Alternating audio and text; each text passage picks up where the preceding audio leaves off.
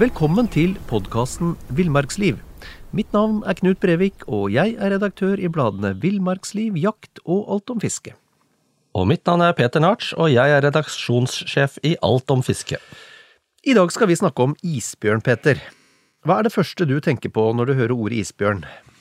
Det første jeg tenker på, er eh, konfrontasjonen med mennesker på Svalbard. Og det litt ubehagelige faktum at isbjørnen kan jakte på deg. Og i motsetning til de fleste andre dyr, så er den ikke redd for mennesker. Nei. Det er litt uh, Hva skal jeg si? Det er, det er litt skremmende. Ja. Og, og så tenker jeg på det ikoniske bildet av isbjørnen som balanserer på et isflak med hav rundt seg. ja. ja. Det bildet som Arne Nævra tok, det var jo fantastisk. Og det satte jo virkelig issmelting og klima på dagsorden. Um, det, det, det kan man definitivt si var et bilde som sa mer enn tusen ord. Og det med, det med mindre is, det er jo et stort problem for isbjørn, fordi uh, ha- nå, is, dette, er, dette er jo en sånn næ- næringskjede. Um, ringselen den er avhengig av isen for å reprodusere, og isbjørn er igjen avhengig av ringselen for å overleve. Og, og nå er um, nå er riktignok isbjørn er en glimrende svømmer da, med, med voldsomme krefter. De kan jo faktisk svømme i dagevis i isvannet. Men isbjørn er avhengig av isstekt hav for å overleve. Det er der på isen han finner maten sin, altså. Det er der ringselen er. Um, og det er, det er isen isbjørn bruker når han skal over til områdene der han er hi. Og de viktigste hiområdene for isbjørn på Svalbard, det er jo det er Kongsøya, det er Svenskøya, det er Etsjøya, det er Nordaustlandet, som ligger nord for Spitsbergen, og så er det Hopen. Og dette er jo øyer og områder som ligger øst og, og nord for, for Spitsbergen, da.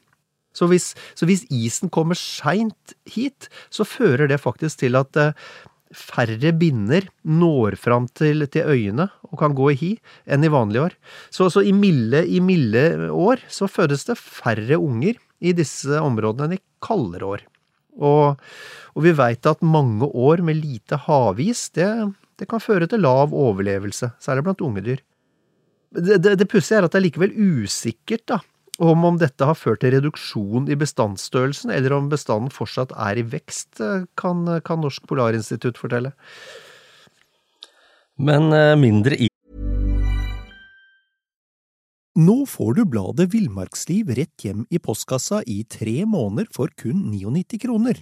I Villmarksliv kan du lese om norsk natur, ærlige tester av klær og utstyr, og mange gode turtips skrevet av erfarne friluftsfolk, fiskere og jegere. Send SMS VILL36 til 2205 og motta bladet allerede neste uke. Lev livet villere med bladet Villmarksliv. Millions of people have lost weight with personalized plans from Noom, like Evan, who can't stand salads and still lost 50 pounds. Salads, generally, for most people, are the easy button, right? For me, that wasn't an option. I never really was a salad guy. That's just not who I am. But Noom worked for me. Get your personalized plan today at Noom.com. Real Noom user compensated to provide their story.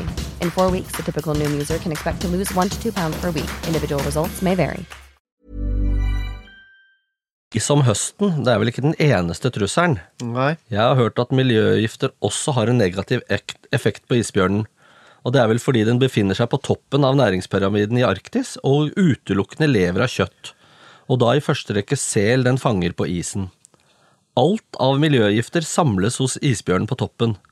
Og miljøgiftene lagres i fett og i blodår, blodet, og når isbjørnen sulter, frigjøres giftene. Ja.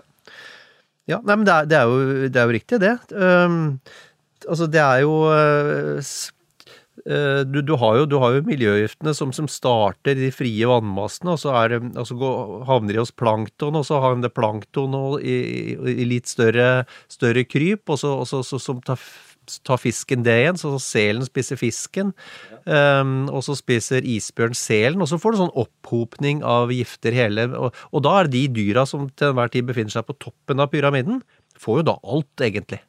Og det er som du sier, de, um, de, de, havner, jo i, de havner jo i fettet og blodet hos, uh, hos isbjørn. Og, og sult, det er jo den vanligste dødsårsaken etter isbjørn. Ja, og det kan ifølge forskerne påvirke hormonene til isbjørnen og immunforsvaret. Isbjørnen har jo perioder hvor den sulter, hvor det ikke er så lett å fange sel, og da frigjøres miljøgiftene og kan gjøre skade hos bjørnen.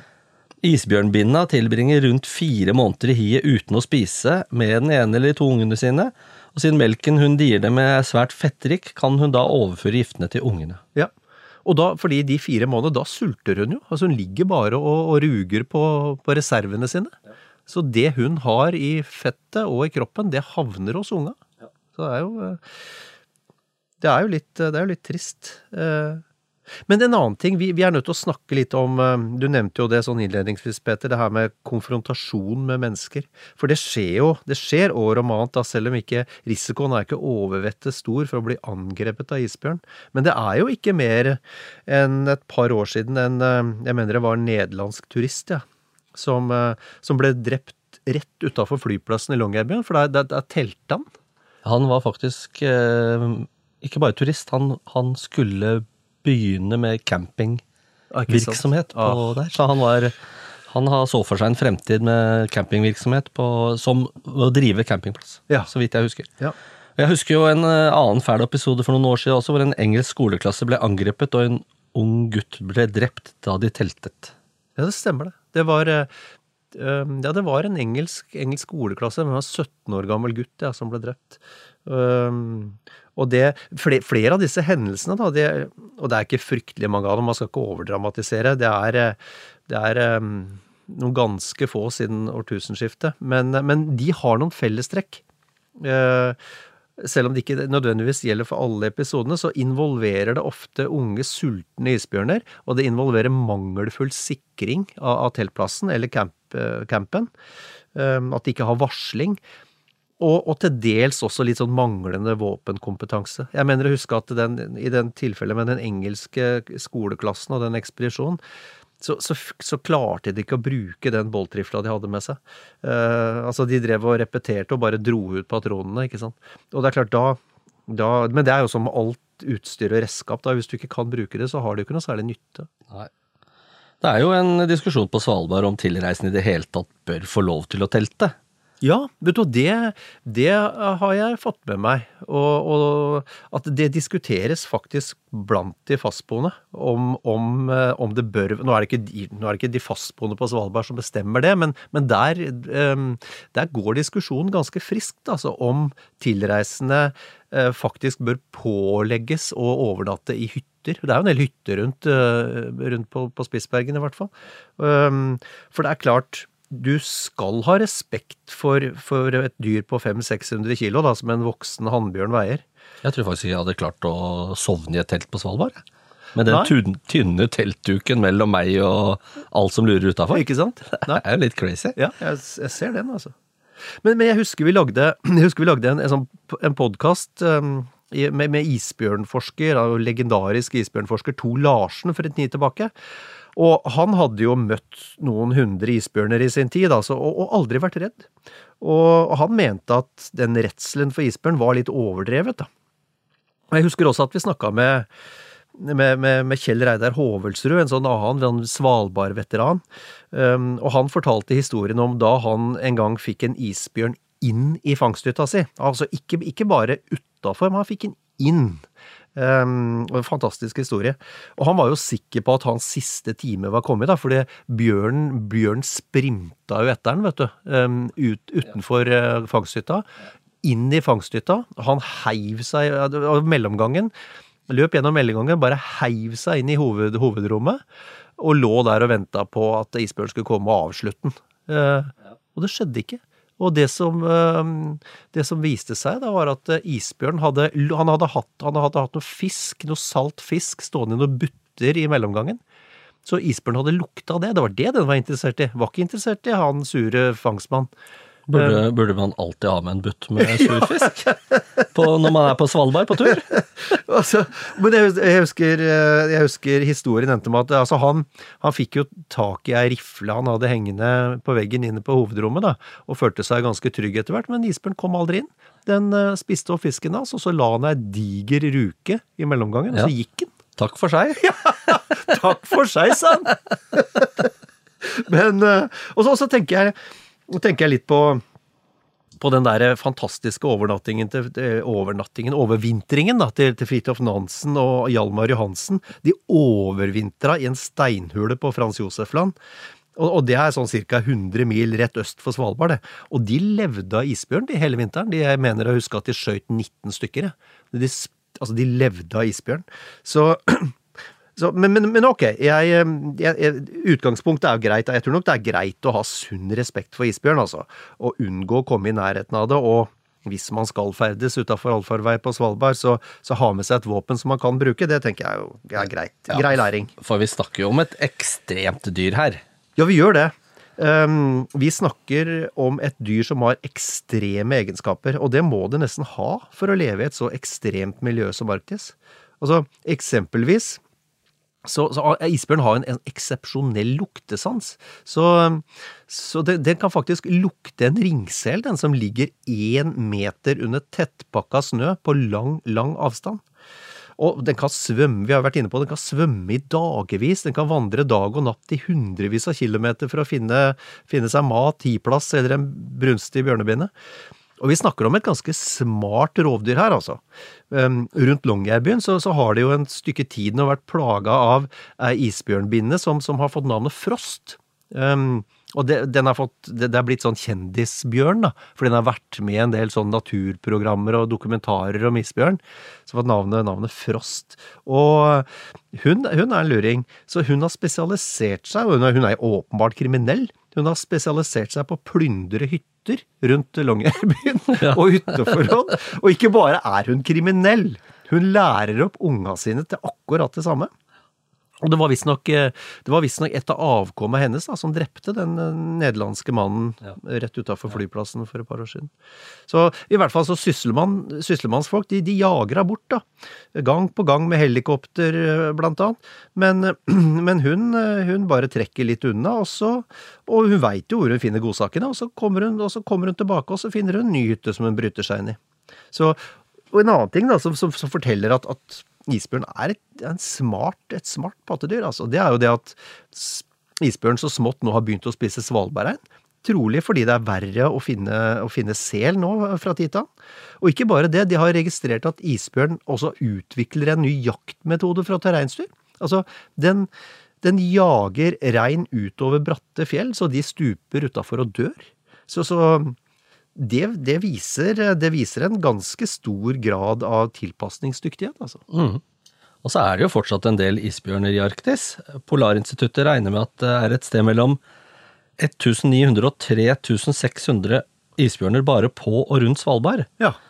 Eh, samtidig finnes det også isbjørn i Russland, Canada, Alaska og rundt Nordpolen. Mm, mm. Og i disse 19 bestandene som det totalt er, da, så regner forskerne med at det er om lag 26 000 isbjørner altså totalt på ja. jorda. Ja, og det er jo litt betryggende. Og, men, men, det er litt sånn pussig å tenke på da, at isbjørn først ble freda i Norge i 1973. Den er jo også freda i Russland. Um, og det er jo enda mer pussig å tenke på da, at inntil den ble freda, så altså, inntil fredningen i Norge, så var det fullt mulig å kjøpe seg en plass på en ishavsskute, og ta med seg ei rifle og skyte seg en isbjørn fra rekka på båten. Altså en sånn slags Eh, jaktturisme, da. Og jeg har ikke noe imot jakt, altså, jeg er jeger selv, men dette var altså en type jaktturisme, hvor man bare man satt i lugaren og, og koste seg og drakk kaffe. Så gikk man opp med, med rifla si og skjøt seg en isbjørn, og så, så, dro man hjem igjen. Ja. Det er jo ganske sjukt å tenke ja. på i dag. Gjerne med en utstoppa isbjørn under armen. Ja, ja, altså det, det de skulle ha en sånn i stua. Ja, det var de skulle ha en i stua. Men i hvert fall det er godt å vite at det fremdeles er levedyktige bestander igjen, da, med, med kongen i isen, som du sier, rundt, rundt regna 26 000 stykker. Ja, så må vi bare ta vare på kloden vår, da, så vil det også gagne isbjørn. Bra, bra avslutning, Peter. Ja. Tusen takk for praten. Takk for praten.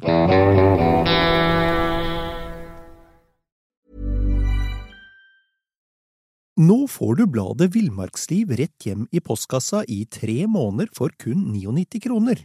I Villmarksliv kan du lese om norsk natur, ærlige tester av klær og utstyr, og mange gode turtips skrevet av erfarne friluftsfolk, fiskere og jegere. Send SMS VILL36 til 2205 og motta bladet allerede neste uke. Lev livet villere med bladet Villmarksliv. A lot can happen in the next three years. Like a chatbot may be your new best friend. But what won't change? Needing health insurance. United Healthcare Tri Term Medical Plans are available for these changing times. Underwritten by Golden Rule Insurance Company, they offer budget friendly, flexible coverage for people who are in between jobs or missed open enrollment. The plans last nearly three years in some states, with access to a nationwide network of doctors and hospitals. So, for whatever tomorrow brings, United Healthcare Tri Term Medical Plans may be for you. Learn more at uh1.com. Hey, it's Paige DeSorbo from Giggly Squad. High quality fashion without the price tag? Say hello to Quince. I'm snagging high end essentials like cozy cashmere sweaters, sleek leather jackets, fine jewelry, and so much more. With Quince being 50 to 80% less than similar brands. And they partner with factories that prioritize safe, ethical, and responsible manufacturing. I love that. Luxury quality within reach. Go to quince.com slash style to get free shipping and 365 day returns on your next order. Quince.com slash style.